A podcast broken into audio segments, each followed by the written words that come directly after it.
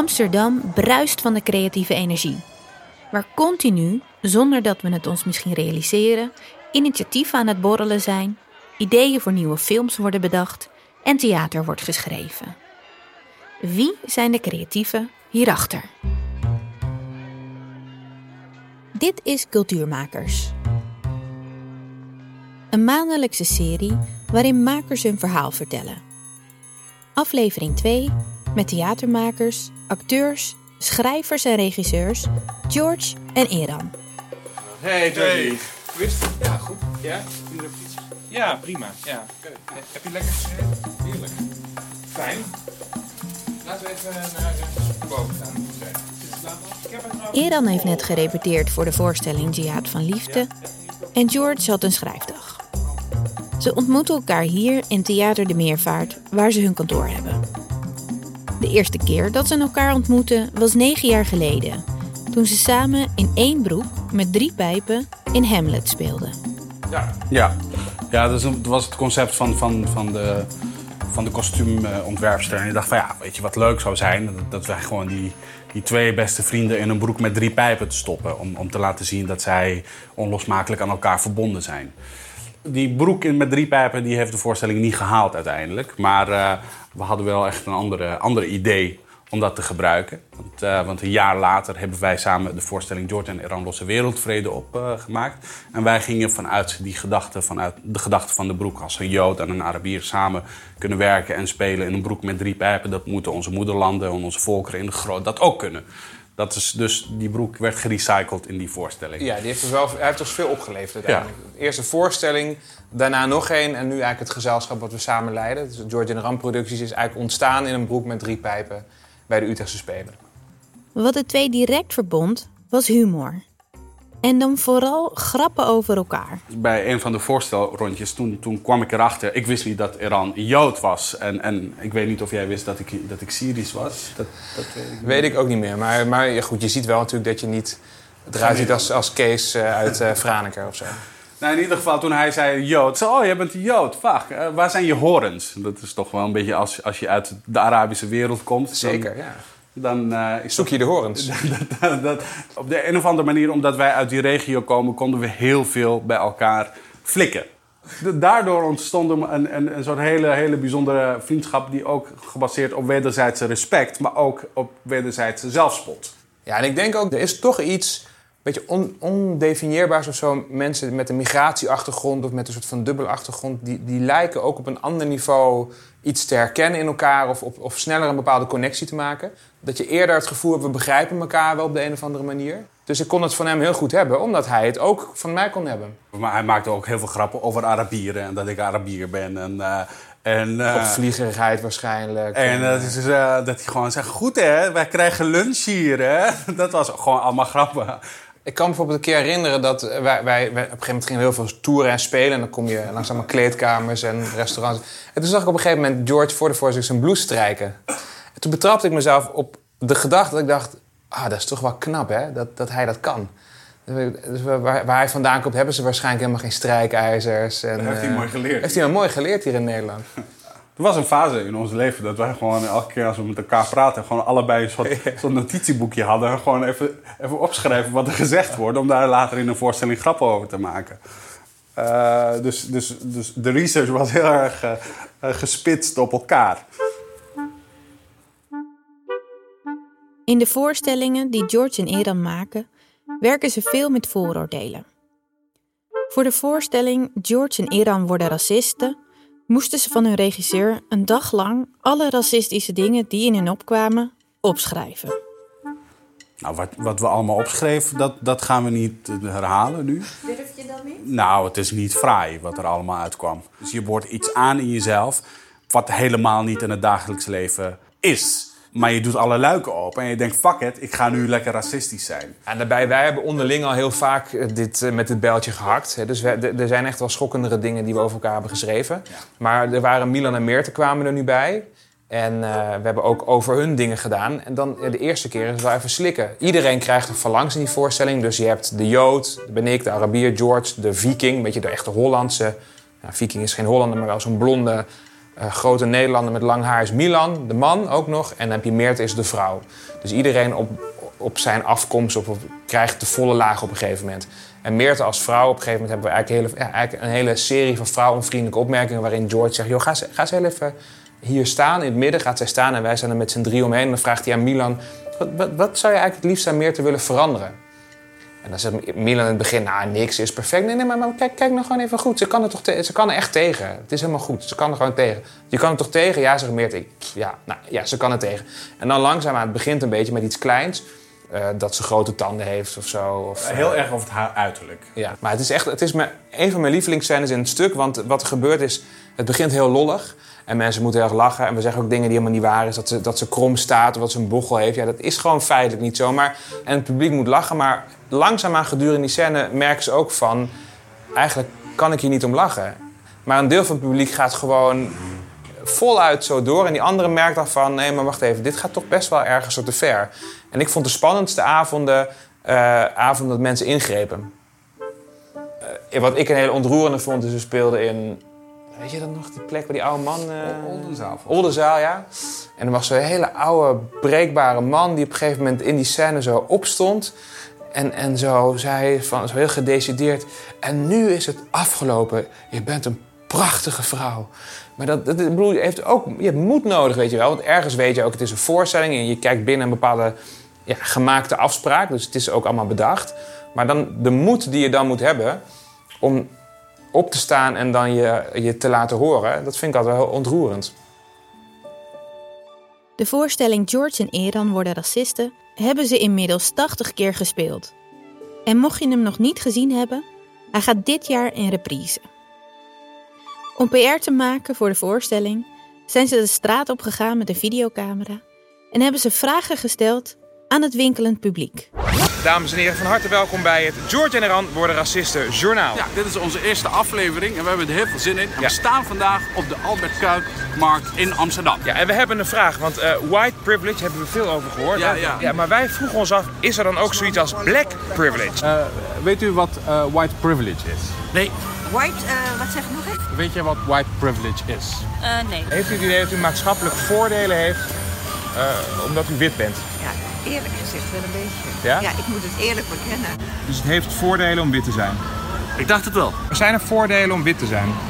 Sowieso. Maar je komt zo makkelijk eh, aan banen. En, eh, ik bedoel, mijn achternaam is gewoon. En, eh, kleine voordelen denk ik en niet echt grote voordelen. Maar zeg maar, sommigen vertrouwen je sneller, sommigen zijn niet zo bang voor je, dat soort dingetjes. Zou zoiets bestaan als black privilege? Zijn er dingen die voor zwarte mensen in deze maatschappij voordeliger zijn? Dat kan ik me niet bedenken. Nooit van gehoord ook. Eerlijk gezegd. Nee. Ik zou het echt niet weten in Nederland, een zwarte die hier voordeel heeft. Misschien eh, bij gemeentes eh, eh, dat hij eerder een huis krijgt. eh, of eerder eh, subsidie ergens. eh. ik weet het echt niet. Over de reacties die ze kregen, waren ze niet verbaasd. Er is zoveel ongemak als het gaat over, over, eh, over racisme, discriminatie, voorkeur. En dat ongemak dat zorgt ervoor dat mensen spastisch zijn. Nou ja, bijvoorbeeld toen we het hadden over, over black and white privilege. Het kostte heel veel moeite om mensen aan de praat te krijgen. Kijk, dat zie je niet in het filmpje. In tegenstelling tot wie van de mannen vind jij het knapste. Dat, was, dat ging echt als, als, eh, als zoete broodjes. Maar over black and white privilege, dan op een gegeven moment merken dat mensen. ah, omdat mensen willen heel graag laten zien dat ze deugen. En het is heel erg ingewikkeld om, om daar vrij uit te spreken. En dan zeggen van, oké, nou ja, goed, weet je, eh, ik sta er zo in. Of ze zelf wel eens met discriminatie te maken hebben gehad? Jazeker. Maar ik heb er geen, la- ja, ik heb er geen last van gehad. Jij? Nee, ik heb er ook nooit last. Ik moet er altijd wel om, om lachen. Nee, maar dan vind ik echt dat als iemand echt hardcore racist, gewoon, dat hij ook gewoon even een filmpje eh, schrijft. Ja, u moet al- alle, alle, alle Arabieren moeten dood en alle terroristen. Dan denk ik van wauw, je komt er echt wauw, fijn dat je gewoon jezelf laat, laat kennen. dat je jezelf laat zien. Eh, dat, dat onderhuidse racisme, dat vind, ik, dat vind ik nog veel erger. Daar word ik wel kwaad om. Dat ik gewoon bijvoorbeeld soms in een gesprek dat ik even vijf minuten te laat kom en dat ik naar Iran tegen zeg: Ja, wat spreekt hij goed Nederlands, hè, die George? Godverdomme zeg, ik ben, eh, ik ben twintig jaar hier in Nederland, dat moet toch wel? Vroeger ook, weet je wel, kwam ik een discotheek niet in... omdat ze dachten dat ik Marokkaan was of Turk of zo. Dus dat, dat legde ik erg naast me neer. Maar wa- ik heb een huis gekocht een jaar geleden... en toen ik dat ging kopen en tekenen bij de notaris... tegenover de Nederlandse bank, dus er zijn, zijn wat chicere gebouwen... Eh, ik wachtte daar op mijn vriendin. Zij ging met de auto en zij moest door naar de werk en ik op de fiets. En toen was ik daar voor dat gebouw, voor de notaris. En ik appte nog even met een vriend van mij. Gewoon random, omdat ik nog even tien minuutjes had. En toen waren er twee eh, mensen van de marechaussee, volgens mij. Die staan daar voor de Nederlandse bank eh, als beveiliging. En die kwamen naar mij toe om te vragen wat ik daar deed. En toen zei ik, wat is het? eh, ja, u staat hier op uw telefoon en u loopt op en neer. Ik zei, nee, nee, nee, nee. Ik vertoon gewoon menselijk gedrag. Ik kijk op mijn telefoon, hè. Zoals eh, heel veel mensen doen als ze wachten. Wat, waarom komen jullie nu naar mij toe? Ja, nee, ik zei, volgens mij weten jullie precies waarom jullie nu naar mij toe komen. Hè? En toen escaleerde dat een beetje. Ja, meneer, als u nu niet rustig doet, dan, eh, dan pakken we u op. Ik zei, pakken we u op? Ik zei, ik zal je vertellen waarom ik hier ben. Ik ben hier omdat ik een huis ga kopen. Nou, toen kwam mijn vriendin eraan. Ik heb, ik heb een Nederlandse vriendin. En dat is mijn vriendin. Ik ben even op haar aan het wachten. En wij gaan nu samen tekenen voor een. Ging ik ook nog noemen wat het bedrag was van het huis. Met een beetje stoer ging doen, weet je wel. Maar, maar, maar toen voelde ik wel even van... Hé, als dit je nou, weet je wel... eh, vier keer op een dag gebeurt, of, of, of twee keer in de week... dan is de lol er gauw vanaf. Naast de voorstelling Jihad van Liefde en de voorstelling George en Iran worden racisten, zijn ze ook bezig met de voorstelling Hoe ik talent voor het leven kreeg. Naar aanleiding van het boek dat Rodaan Al-Ghalidi schreef over de negen jaar die hij in een asielzoekerscentrum zat. Herkenbaar voor George. Ik ben ook opgegroeid in AZC's, dus ik weet het allemaal. Dus dat is gewoon, oh ja, oh ja, wat wel grappig. Oh ja, dit hebben ze ook opgeschreven. Het is ook wel gek, gek genoeg, was een van de eerste AZC's waar, waar in dat boek over geschreven is. Daar heb ik echt letterlijk gewoond. In op die plek. Ja, het is gewoon een boerderij. Het is, het is gewoon zo oer-Hollands boerderij met, met weilanden eromheen. Een hele, eigenlijk een beetje een hele grote stal die om, om, omgebouwd is tot kamers. En daar woonden gewoon mensen. George was 12 toen zijn ouders hem en zijn broer en zus vanuit Syrië mee naar Nederland namen. Maar over deze periode wil hij in interviews niet al te veel kwijt. Eh, nou, me- meerdere redenen. Dus eh, één, omdat het gewoon echt het verhaal van mijn ouders is. Ik ben mee, mee meegenomen. Dat is, als zij erover willen hebben, dan moet het dus echt aan hun. Aan de, aan, de andere kant, ik ben nu inmiddels 20 jaar in Nederland. Ik wil dat eh, op een gegeven moment, als je dat, eh, alles wat je aandacht geeft, dat groeit. Hè? Het vluchtelingen zijn in zo'n heftig etiket.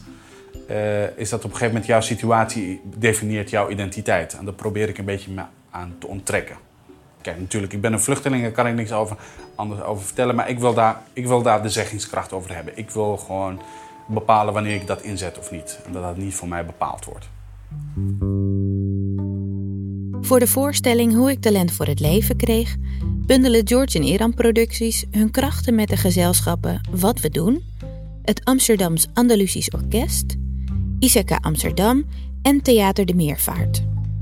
Naast cast en muzici wordt elke voorstelling gespeeld door 50 statushouders. Het idee is voortgekomen uit, je hebt het over die mensen, of over een groep mensen. En dan is het ook aardig om de mensen te betrekken in dat, eh, in dat proces.